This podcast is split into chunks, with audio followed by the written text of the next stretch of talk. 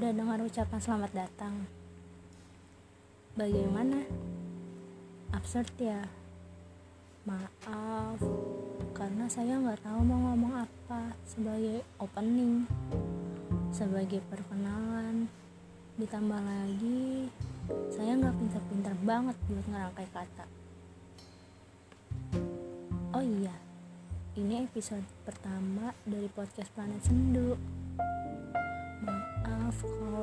episode pertama saja judulnya sudah ya gitu deh. Minggu ini benar-benar minggu paling kacau buat saya. Semuanya terjadi dengan serentak tanpa memberi aba-aba terlebih dahulu. Sebentar sepertinya saya keliru. Bukannya tanpa aba-aba tapi saya yang mengabaikan aba-aba itu. Seolah-olah nggak akan terjadi dan akan baik-baik saja. Tapi ternyata perkiraan-perkiraan yang saya buat itu salah besar dan jadi bumerang buat buat saya. Jadi saya akan nyeritain tentang seseorang tentang saya dan dia yang pernah kenal dan dekat selama sekitar 3-4 bulan yang berawal dari sebuah direct message lewat salah satu sosial media. Kita sempat DM-an intens tiap hari saling nyemangatin tukeran cerita bahkan gak jarang juga dia mengirim pap muka dia ke dalam percakapan itu. Awalnya semua baik-baik aja. Saya nerima dia sebagai teman chatan dan dia pun begitu. Sampai akhirnya saya terlalu terbawa suasana. Dan akhirnya saya baper iya saya baper serius. Karena dengan dengan tiba-tibanya sering membuat dia sering membuat kalimat-kalimat indah dan seakan memberi kode memberi sinyal kalau dia menspesialkan saya yang mana lebih lebih dari seorang teman chatnya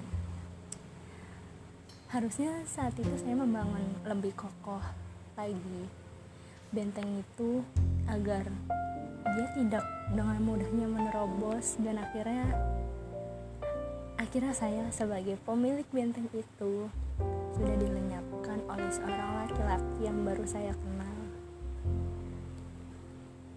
Aneh memang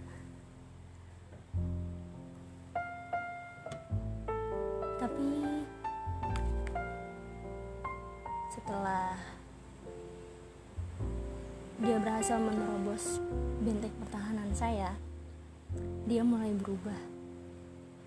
Mulai jarang memberi kabar dan sekali yang memberi kabar itu selalu di jam-jam kritis. Sekitar jam 9 sampai jam 12 malam. Tunggu, tunggu. Kok ngomongin kabar? Harusnya soal dia mau ngasih kabar atau enggak kan bukan urusan saya.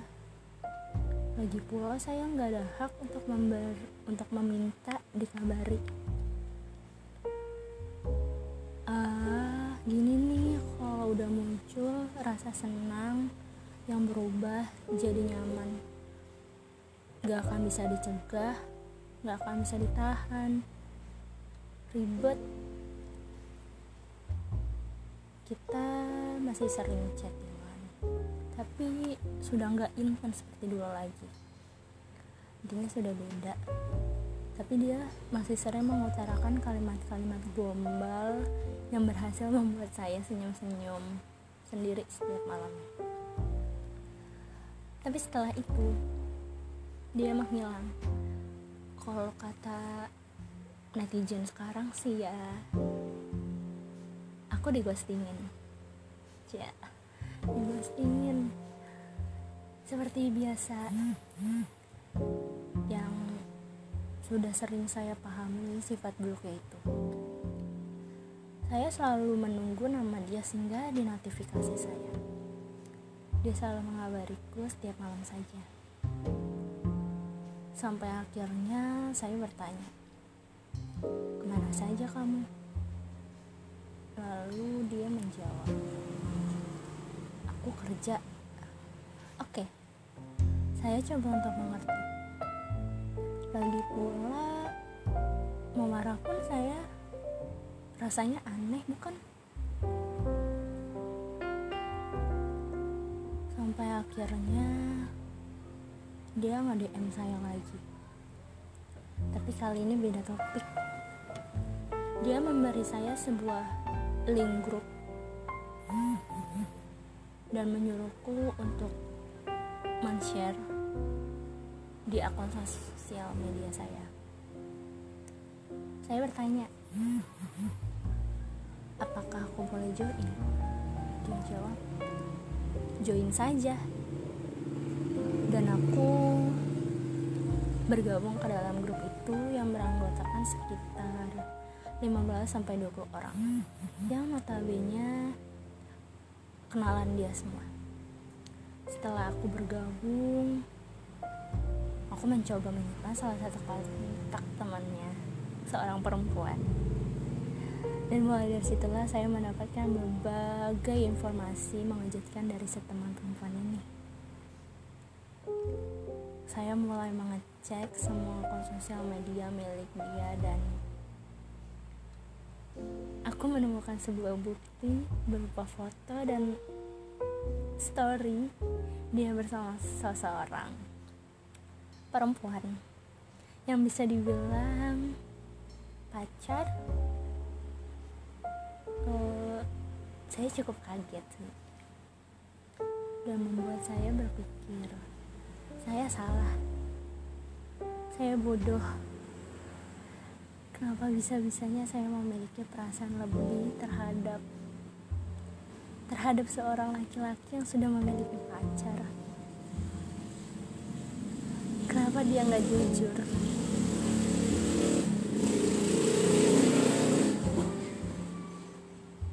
Kenapa dia nggak memberitahuin jika dia sudah punya pacar?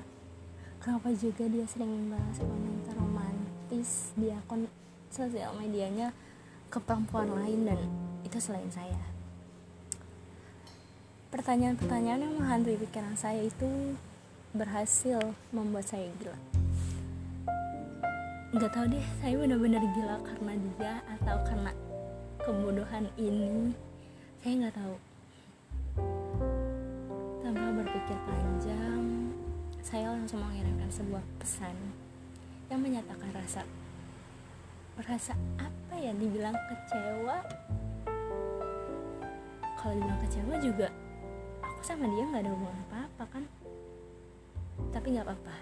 Kecewa sama seseorang itu perlu. Nggak perlu sih. Tergantung.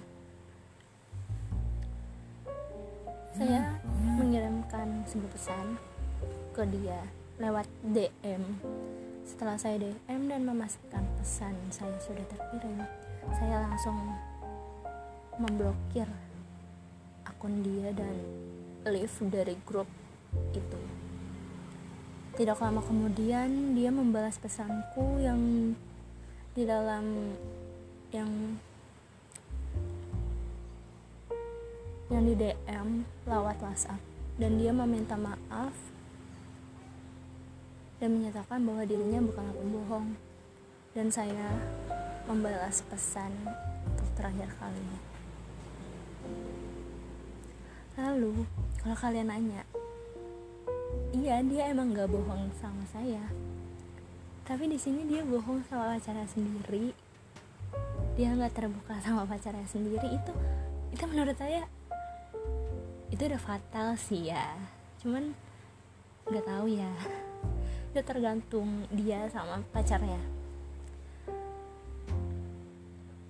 ini hal paling bodoh hal paling gila yang pertama kali saya lakuin Saya menyukai laki-laki yang sudah memiliki pasangan.